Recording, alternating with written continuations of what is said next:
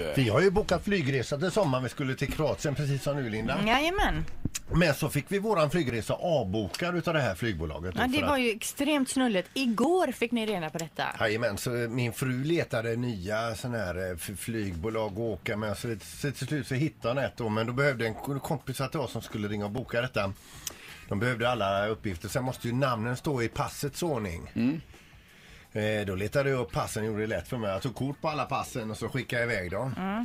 Eh, så jag var ganska nöjd med mig själv och att det var det gjort då. För då, då kunde jag gå vidare i livet tills jag insåg att jag skickat till fel nummer. Så jag har skickat till någon i Växjö.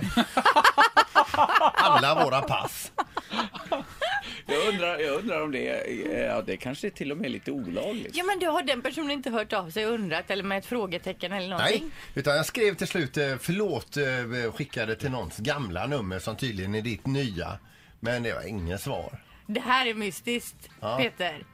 Du, det- du kanske får stulna identiteter nu. Ja, jag tänkte Precis. precis säga det. Ändå, ändå lite intressant att du bara skickar iväg din uppgift. Era sådär. kompisar kanske får åka med en annan familj.